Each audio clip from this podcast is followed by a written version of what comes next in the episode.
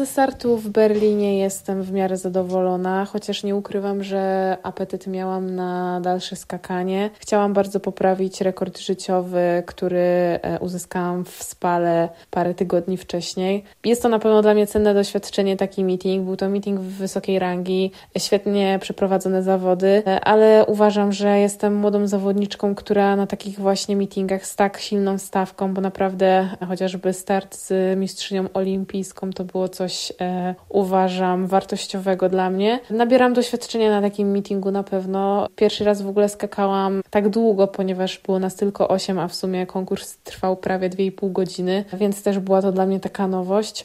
Pierwszy raz też miałam okazję skakać na podejście i uważam, że fajnie się skacze na, na takim czymś. Też było to dla mnie e, oczywiście nowe. Także e, zakończyłam tym startem swój krótki sezon halowy, który uważam, że był dobry i wydaje mi się, że nie tyle dobry, co jest takim prognostykiem, że jeśli po prostu to wszystko ładnie zgram, to mogę skakać w sezonie letnim bardzo daleko, co jest niezmiernie ważne, żeby pojechać na igrzyska, także już niedługo, bo 15 marca wyjeżdżam na pierwszy obóz i będę trenować e, jeszcze nad tymi rzeczami, które gdzieś tam mi kuleją i mam nadzieję, że sezon letni będzie owocny.